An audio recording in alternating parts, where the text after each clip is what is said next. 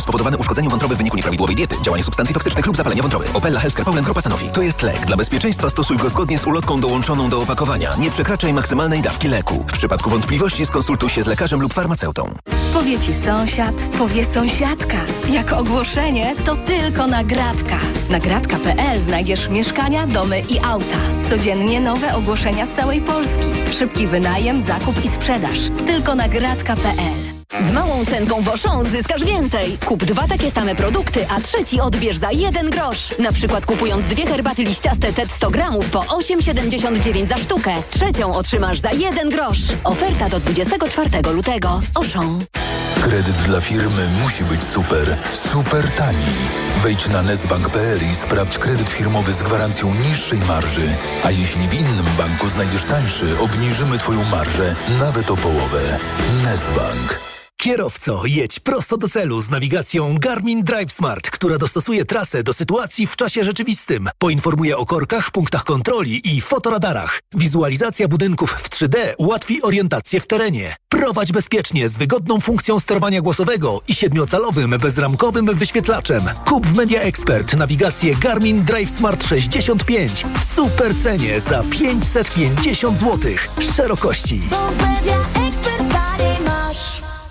Od wielkiej pasji Ja w dzieciństwie cały czas myślałem o tej piłce.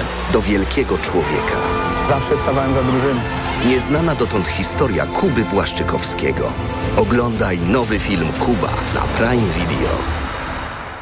W stresie czujesz jakbyś nie była sobą? Suplement diety Waluset Control zawiera wyciągi z czterech ziół. Waleriana, passiflora i chmiel sprzyjają odprężeniu, a ashwagandha pomaga radzić sobie ze stresem. Waluset Control. I stres znów masz pod kontrolą. Reklama. Radio TOK FM. Pierwsze radio informacyjne. Informacje TOK FM. 12.22. Konrad Sabal. W przyszłym tygodniu zapadną dwie decyzje w sprawie funduszy europejskich obecnie zablokowanych dla Polski. Uwolnią do 137 miliardów euro. Pochodzą z funduszu Next Generation i Funduszu Spójności. Zapowiedziała to przewodnicząca Komisji Europejskiej Ursula von der Leyen podczas trwającej w Warszawie konferencji z udziałem premierów Polski i Belgii. Ministerstwo Rodziny znalazło kandydatkę na nową prezes Zakładu Ubezpieczeń Społecznych. Pracami ZUS-u pokieruje wkrótce Dorota Bieniasz, która od miesiąca pełni obowiązki prezesa tej instytucji. Wcześniej przez lata pracowała w ścisłym kierownictwie ZUS-u. Doświadczenie i profesjonalizm. Tak o kandydatce na nową prezeskę ZUS-u mówiła w TOK FM szefowa resortu rodziny Agnieszka Dziemianowicz-Bąk z Lewicy. Przez ostatnie tygodnie obserwowałam, jak pani Dorota Bieniarz zarządza Zakładem Ubezpieczeń Społecznych, jak zakład pod jej kierownictwem sprawnie e, działa.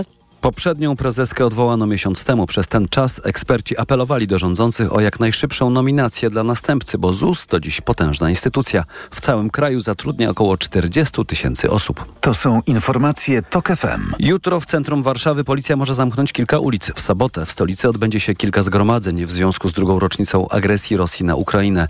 Naprzeciwko ambasady rosyjskiej na ulicy Belwederskiej demonstranci będą protestować od 6 rano. Kolejne zgromadzenie pod ambasadą o 16.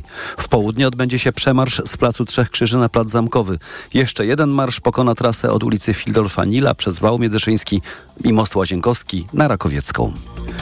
Stopa bezrobocia w styczniu 2024 roku wynosiła 5,4%. Jest o 0,3% wyższa niż w grudniu, podał Główny Urząd Statystyczny.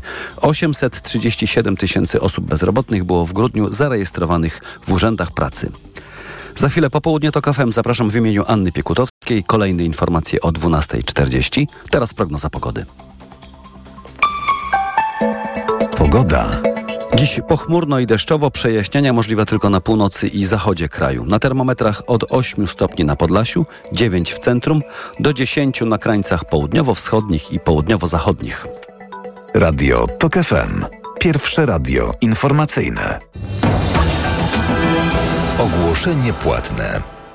Kolostrum. Naturalnie stoi na straży odporności całej rodziny. Kiedy zima powoli się kończy, wiele osób błędnie uznaje, że najgorsze, jeśli chodzi o infekcje dróg oddechowych, już za nami. Tymczasem okres tak zwanego przedwiośnia wcale nie musi okazać się łaskawszy. Jak dbać o odporność, rozmawiam z dietetyczką kliniczną Moniką Stromkie-Złomaniec. Jeśli nasz organizm jest słaby, to infekcja może pojawić się o każdej porze roku. Dlatego też warto o odporność troszczyć się okrągły rok. Czyli spacery, ćwiczenia i zdrowy sen.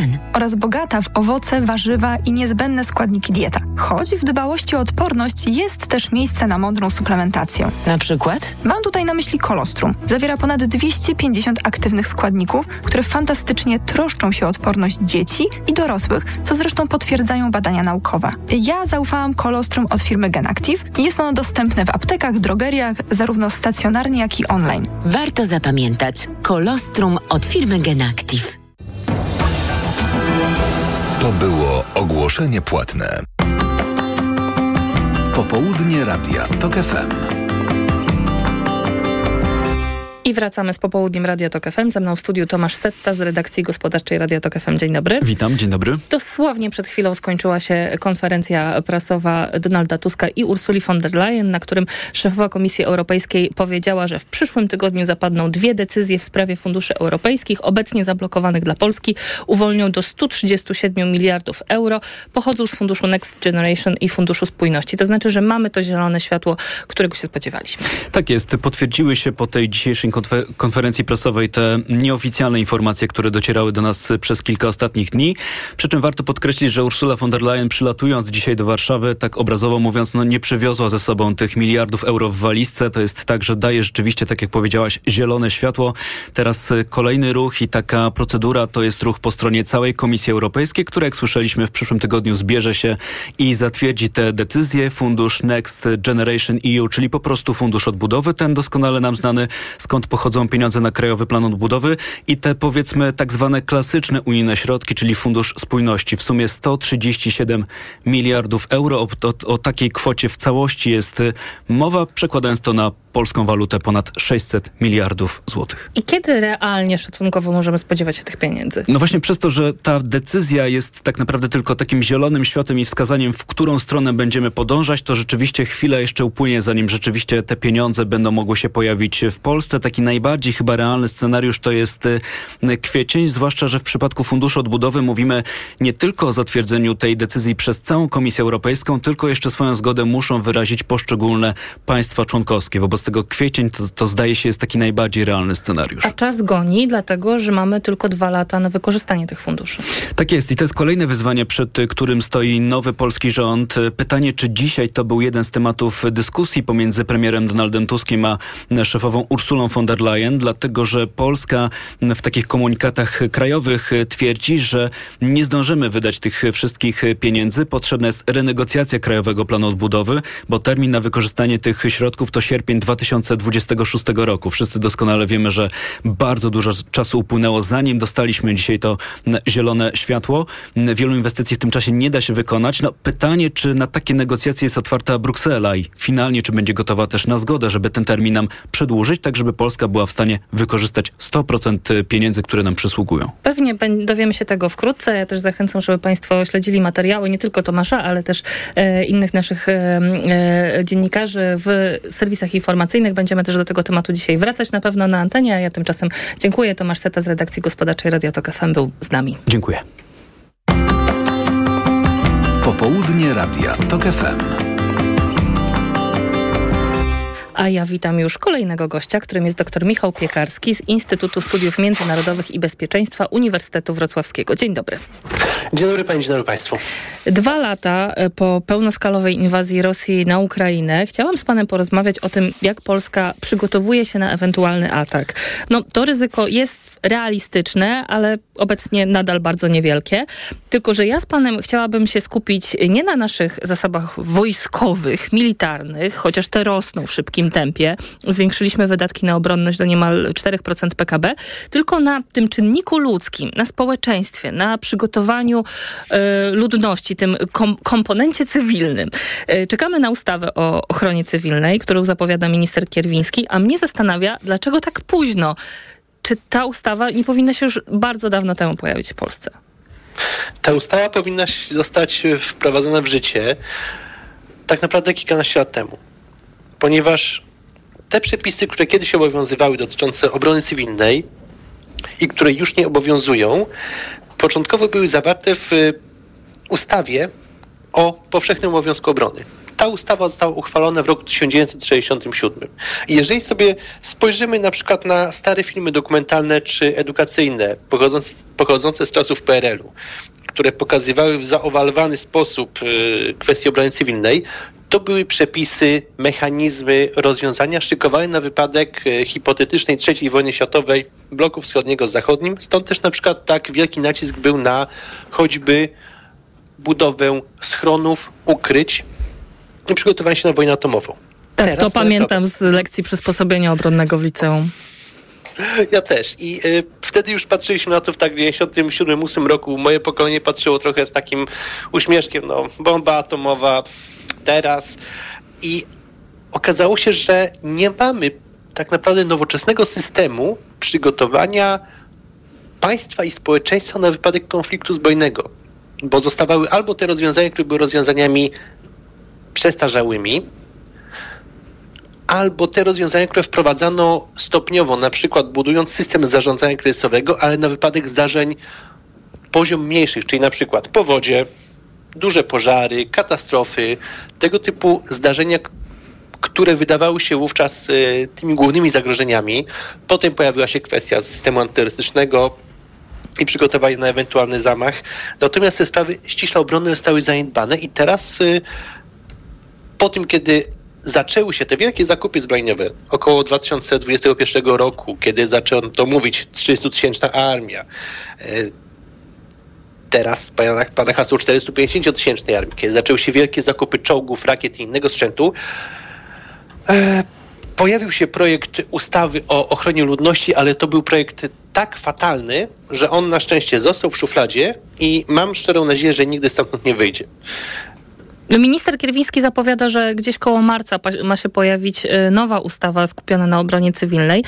Y, a ja chciałabym pana poprosić o takie wyjaśnienie, co to właściwie znaczy ta obrona cywilna, bo kiedy ja czytam na ten temat w mediach, to głównie skupiamy się na tym liczeniu schronów, których oczywiście mamy za mało i to ważne, ale no, czy to jest właśnie kluczowe, schrony, jeśli chodzi o obronę cywilną?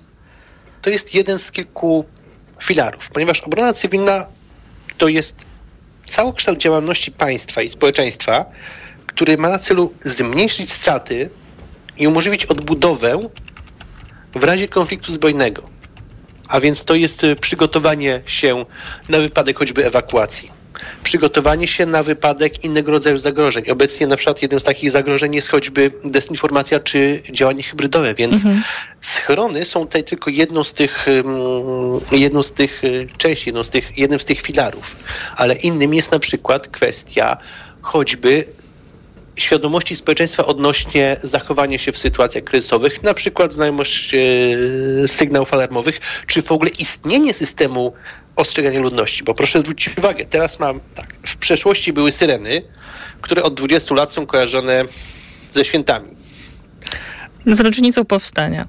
Dokładnie, więc krążą żarty, że jeżeli syreny naprawdę zawyją, to mnóstwo ludzi spyta, e, jakie dzisiaj jest święto. Dalej, mamy system ostrzegania, który został uruchomiony na potrzeby zarządzania kryzysowego i to jest znany mm, już powszechnie alert LCB SMS-owy, ale on też ma, ma swoje zalety, ale ma też pewne ograniczenia. Więc teraz musimy wymyślić tak naprawdę, jakie my zdolności chcemy mieć w zakresie tejże obrony cywilnej i co ma być częścią tej części, która jest cywilna, a co ma na przykład należeć do służb mundurowych. Mhm. I znowu, podczas pandemii zauważyliśmy takie zjawisko, że wojsko bardzo mocno wspomagało mm, służbę zdrowia. W rzeczach y, tutaj ważnych, jak bardzo zaawansowanych, jak na przykład transport medyczny, ale na przykład w rzeczach pomocniczych, jak na przykład pomoc w akcji szczepień. I Wojska Obrony Terytorialnej tak. Y, tak. naprawdę wypełniły rolę, którą powinny wypełniać y, inne organizacje. Przy czym znowu nie istnieje jeden model obrony cywilnej, bo jeżeli spojrzymy na przykład na y, Francję, tam na przykład obrona cywilna walczy z pożarami lasów, ma samoloty i śmigłowce, one te pożary lasów gaszą. W innych państwach ten problem będzie wyglądać inaczej. My musimy sobie odpowiedzieć na pytanie, jakie mamy teraz zagrożenia, co jest dosyć łatwe, niestety z uwagi na zagrożenie rosyjskie. Jak chcemy, żeby państwo i społeczeństwo zachowało się w razie tych zagrożeń i wtedy jak je przygotować? No właśnie.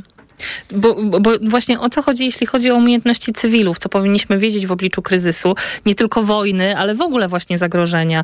Czy, nie wiem, to znaczy, że teraz wszyscy powinniśmy uczyć się obsługi karabinu, a, czy, czy, czy, czy nie wiem, czy właśnie y, przejść jakieś szkolenia? Jak usłyszałem hasło y, obsługi karabinu, to pierwsza moja reakcja była, o broń Boże, nie. Ponieważ to jest bez sensu. Po pierwsze, nie każdy ma dostęp do broni. Uczyć się strzelać y, to potrzeba strzelnicy, amunicji, trzeba to odświeżać. No i nie każda osoba chce i nie każda osoba powinna mieć w ręku broń. Natomiast co jest istotne? Istotne jest to, że powinniśmy przede wszystkim, tak jak mówiłem, znać y, sygnały alarmowe, wiedzieć skąd się dowiedzieć o, mm, skąd można się dowiedzieć o zagrożeniu i skąd otrzymać instrukcję o postępowaniu. Po drugie, wiedzieć jak przetrwać w sytuacji, kiedy zabraknie tych rzeczy, które wydają się nam oczywiste. Y, na przykład zabraknie nam prądu. I to nie będzie krótka awaria czy wyłączenie trwające 3-4 godziny, ale okaże się, że tego prądu nie będzie na przykład przez 24 godziny, bo jakieś zielone ludziki wysadziły linie przesyłowe. Albo co robić, jeżeli na przykład okaże się, że będą problemy z dostawą wody? Co jeżeli wystąpią zakłócenia w mm, dostawach żywności? Ta wizja pustych półek jest trochę nierealna. No już myślę, ale... że od kilku lat bardziej realna niż tak, ale kiedyś. Właśnie, właśnie, ale może się wydarzyć, więc teraz pojawia się kwestia, w jaki sposób przygotować się na przykład na mm, taką sytuację. I to są czasami proste rzeczy. Na przykład y, posiadanie w domu kilku naładowanych powerbanków i y, odpowiednich kabli. Posiadanie na przykład y, radia na baterię. Posiadanie telefonów mm, komórkowych, które będą po prostu będą mogły być zasiane z tychże powerbanków, albo nawet takich telefonów, które będą starszego typu, nie smartfonów, które szybciej zużywają baterie, ale takich, z których można zadzwonić i na które można otrzymać SMS. I tutaj nie ma jakiejś jednej uniwersalnej porady, ponieważ i tu znowu pojawia się wyzwanie. Ja mieszkając pod Wrocławiem, mam nieco inny profil zagrożeń, tak to ujmując, niż osoba, która na przykład mieszka pod ym, Suwałkami i która być może w razie konfliktu zbrojnego będzie musiała się y, ewakuować. I tu pojawia się kolejny problem.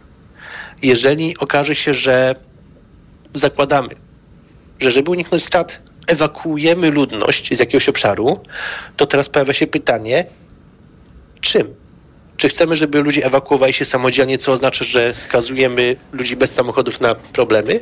Czy może zapewnimy jakoś autobusy? Panie doktorze, bo pan y, jakby y, pokazuje takie obrazowe przykłady i to jest bardzo ważne, ale y, jakby musimy zmierzać też do końca, więc chciałam poprosić pana o mm, no właśnie, zarysowanie tego, kto powinien i w jaki sposób się tym zająć. Czy to wystarczy tylko edukacja w szkołach? Czy samorządy powinny przejąć odpowiedzialność za właśnie takie przygotowanie społeczeństwa na tego typu wyzwania? Wyzwania. Jak to powinno wyglądać? Tylko proszę krótko, bo musimy kończyć tutaj naj, najlepiej byłoby, gdyby powstał jakiś urząd centralny, tak mhm. tak jak teraz mamy Rządowe Centrum Bezpieczeństwa, tak. współpracujący z poszczególnymi interesariuszami, w tym właśnie zarówno z e, resortem edukacji, z samorządami, które jak pokazuje ją doświadczenie ukraińskie mają ogromną rolę do odegrania, z organizacjami pozarządowymi, z przemysłem, starając się wykorzystać jak najwięcej tych zasobów, które mamy i w organizacjach rządowych, pozarządowych, w gospodarce, żeby zapewnić tą y, odporność społeczeństwa. Kiedyś mieliśmy łatwiej, bo państwo było scentralizowane i wszystko było państwowe. Teraz mamy mnóstwo podmiotów i taki urząd musi być w stanie z nimi efektywnie współpracować. Bardzo dziękuję za rozmowę. Dr Michał Piekarski z Instytutu Studiów Międzynarodowych i Bezpieczeństwa Uniwersytetu Wrocławskiego był moim Państwa gościem. Dziękuję bardzo, dziękuję Pani. Zapraszam na informacje, po nich wracamy. Popołudnie Radia TOK FM.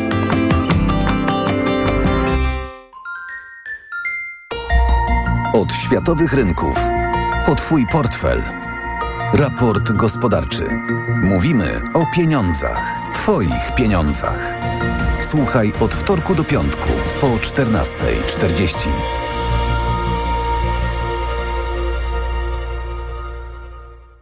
program zaprasza sponsor PTWP, organizator Europejskiego Kongresu Gospodarczego w Katowicach. Reklama. RTV Euro AGD. Rewelacja! Teraz w euro. Nawet do 40 rat 0% na cały asortyment. I do czerwca nie płacisz. RRSO 0%. Promocja ratalna do 5 marca. Regulamin w sklepach i na euro.com.pl Niedawno temu, ale tu i teraz blisko Ciebie żyją prawdziwi bohaterowie. Żyją krótko i szczęśliwie. Wspomóż podopiecznych Fundacji Warszawskie Hospicjum dla Dzieci. Podaruj 1,5%, by mogli żyć na 100%. Z małą cenką Woszą zyskasz więcej. Kup dwa takie same produkty, a trzeci odbierz za jeden grosz. Na przykład kupując dwie herbaty liściaste TED 100 gramów po 8,79 za sztukę. Trzecią otrzymasz za jeden grosz. Oferta do 24 lutego. Oszą. Chcesz gres? Do łazienki? Bo w Castoramie mamy Gres Bond o długości 120 cm za 94,98 za metr kwadratowy. Najniższa cena towaru w okresie 30 dni przed wprowadzaniem obniżki to 118 zł za metr kwadratowy. 136,88 za opakowanie. Tylko do 27 lutego lub do wyczerpania zapasów. A więcej w gazetce lub na castorama.pl. Okazje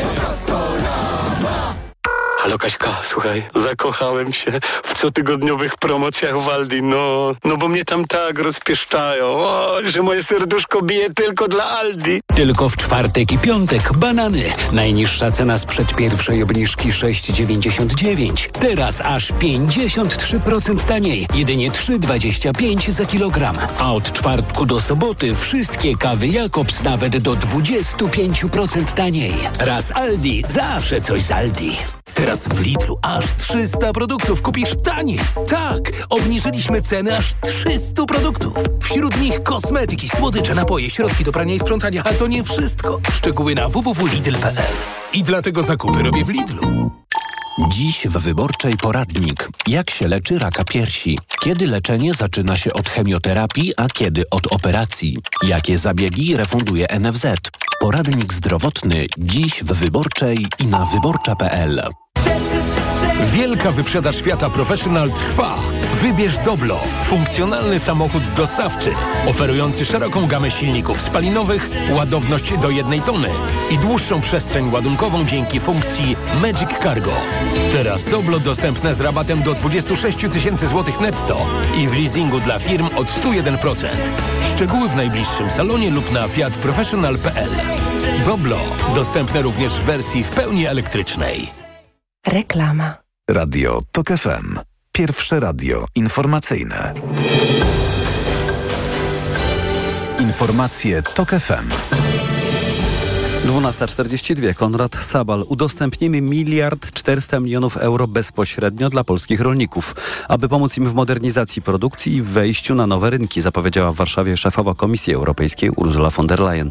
Von der Leyen poinformowała wcześniej, że w przyszłym tygodniu zapadną dwie decyzje w sprawie funduszy europejskich dla Polski, które uwolnią do 137 miliardów euro z Funduszu Spójności i Funduszu Odbudowy. Na Polskie to jest 600 miliardów złotych, góra pieniędzy, którą dobrze wykorzystamy, skomentował tę wiadomość Donald Tusk. Parlament Węgier wybierze nowego prezydenta kraju w najbliższy poniedziałek, zapowiedział to szef frakcji parlamentarnej rządzącej partii Fidesz.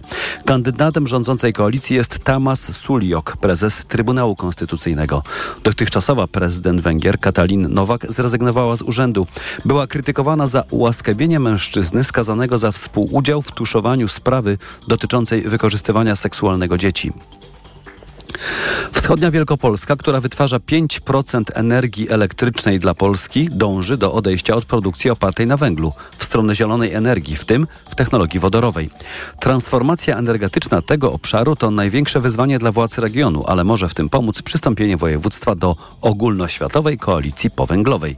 Władze województwa podpisała deklarację o przystąpieniu do tej koalicji. Maciej Szefer. Tu nie chodzi tylko o zamknięcie historii wydobycia węgla i jego spalania w elektrowniach, mówi marszałek Marek Woźniak. Chodzi o to, żeby również podjąć inne działania zmierzające do zeroemisyjnej gospodarki. W skład koalicji, do której wchodzi Wielkopolska jest ponad 180 krajów, samorządów oraz firm działających na rzecz przyspieszenia odejścia od nieekologicznej produkcji energii. Ministra klimatu i środowiska Paulina Henik-Kloska przypomina, że Polska ma też swoje zobowiązania klimatyczne i musi je realizować. I dzisiaj tak naprawdę Wielkopolska mówi, my też chcemy zrobić ten krok, chcemy być liderem w tym kroku. Wielkopolska to pierwszy region w Polsce, który przystąpił do koalicji powęglowej.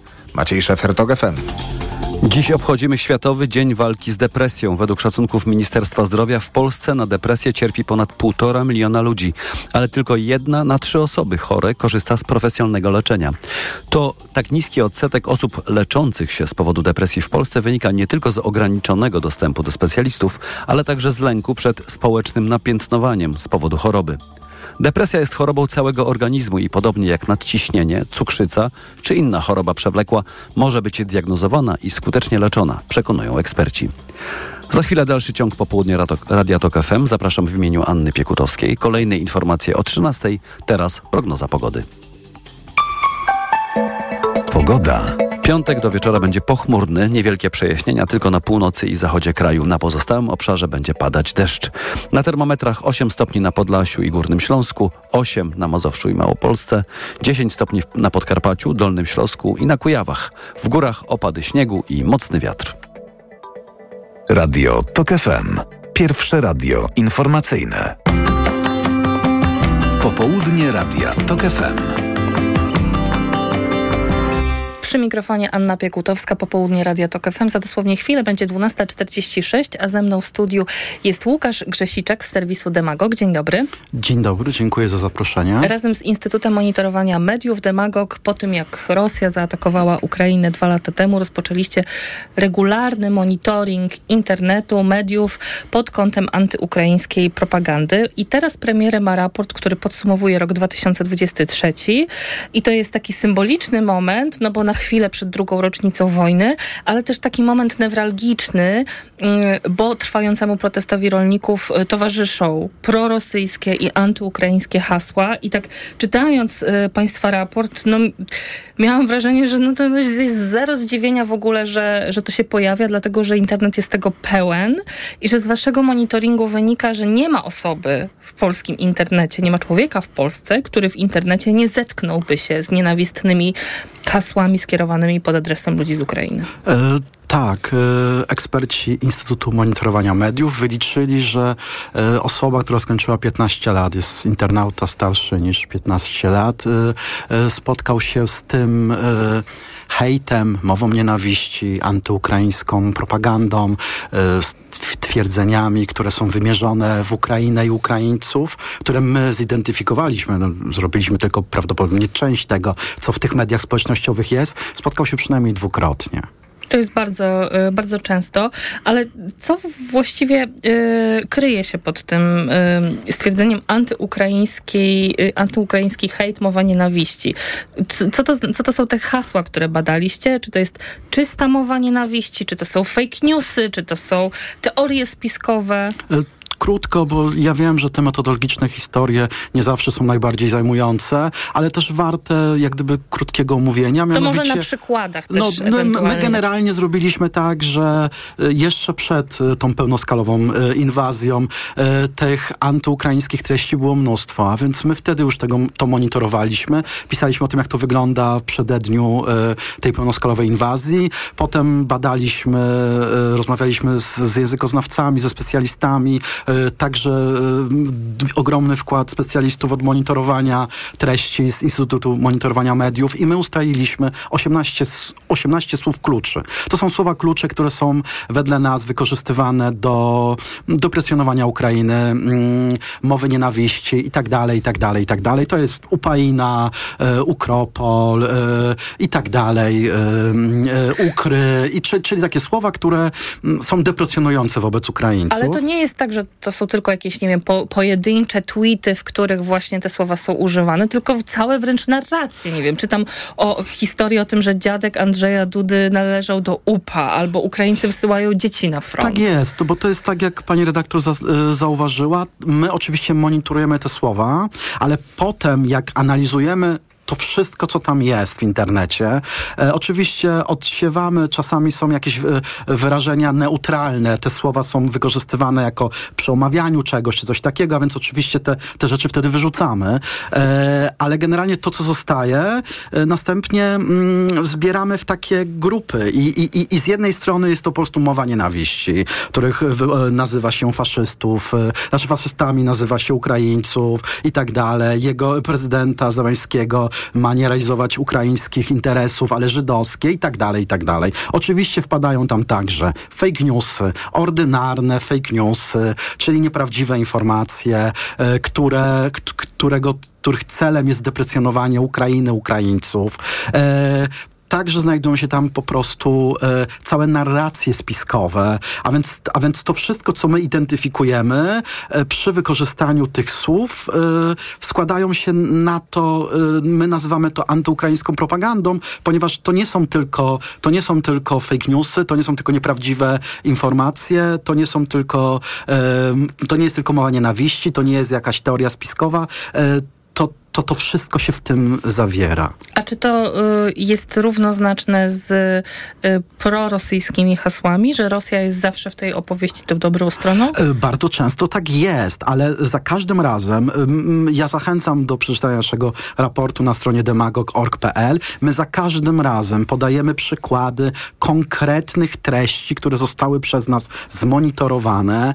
E, Zawsze więcej przynajmniej niż jeden taki przykład podajemy w kontekście każdego e, skąd, który znalazł się na, na, w naszym zestawieniu. E, I generalnie tłumaczymy, dlaczego on się tam znalazł. Mm, A więc, e, a więc, a więc, a więc generalnie z jednej strony są to treści uderzające w Ukrainę, w Ukraińców, które oczywiście są także skierowane, przede wszystkim skierowane do Polaków. No, to jest to, żebyśmy zmi- zmienić nasze postrzeganie Ukrainy i Ukraińców, no ale z drugiej strony i zawsze pokazujemy to, to są narracje, które są zgodne z narracją Kremla, z interesami Moskwy.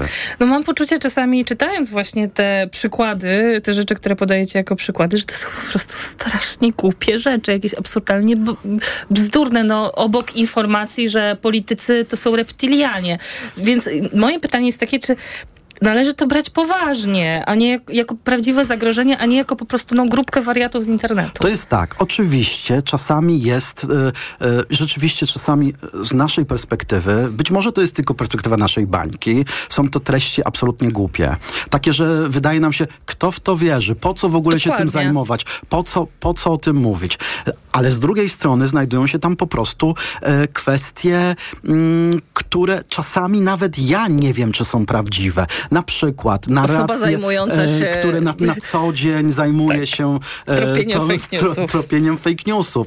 E, to, to jest tak, że nam się wydaje, że my wszystko wiemy, że, że my na pierwszy rzut oka e, rozpoznamy, czy jest to prawdziwa, czy nieprawdziwa informacja. E, a, a generalnie ja bardzo często nie wiem. Czasami się łapię, że coś jest nieprawdą, okazuje się prawdą. Czasami się łapię, że e, i, i, i w drugą stronę. Więc de facto warto jest to powiedzieć, że generalnie my wygenerowaliśmy, znaczy w, zidentyfikowaliśmy niemal 300 tysięcy tych, tych wpisów w ciągu roku. 300 tysięcy. E, wydaje mi się, no tak jak rozmawialiśmy na początek, każda przeciętność, każdy internauta powyżej 15 roku dwukrotnie się z nią spotkał, z, taki, z taką rzeczą. To jest jedna rzecz. Druga, e, specjaliści wycenili, e, wycenili wartość, szacunkowa wartość tego, tego reklamowa, tej treści. To jest e, e, 200 milionów złotych, mniej więcej, tak? Czyli gdyby Kreml za to miał zapłacić w Polsce, to by musiał wydać 200 milionów. Tak można powiedzieć. A zapłacił? E, No i to jest pytanie, na które nasz raport nie odpowiada. E, Bo powstaje pytanie, kto tam jest. E, My, tak jak... e, Ale na to pytanie odpowiedzieliście. Kto tam jest, oczywiście. Bo jest E, 10 oczywiście, kont na tak. przykład na Twitterze, które są najbardziej aktywne. Ja bym chciał jak gdyby tak pokrótce. My zidentyfikowaliśmy 10 e, kont na, twi- na Twitterze, Xie, które szczególnie powielają, e, są najbardziej, po, na, znaczy na, najbardziej aktywne w powielaniu tej e, antyukraińskiej propagandy. 10 kontów na, kont na fe, Facebooku, ale także zwracamy uwagę i to jest mega, mega, mega, mega istotne.